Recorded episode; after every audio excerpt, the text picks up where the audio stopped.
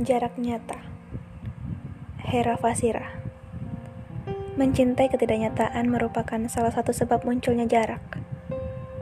Jarak yang sudah tak terbaca sederhana atau biasa tapi sudah melahirkan perkara yang rumit. Jarak kami bukan tentang aku yang tinggal di pulau satu dan dia di pulau lainnya. Juga bukan tentang aku dan dia yang berbeda kepercayaan.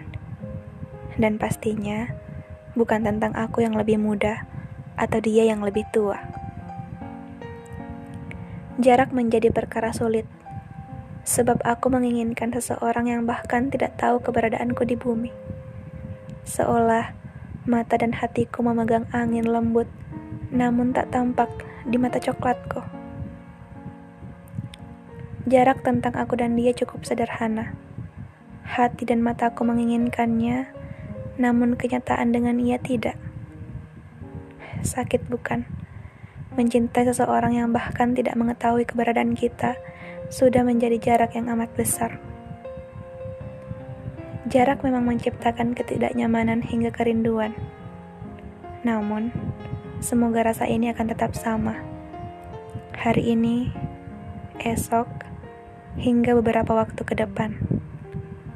Terima kasih pula telah datang di depan mataku, menciptakan perasaan di hati, dan meninggalkan kenyataan yang pahit.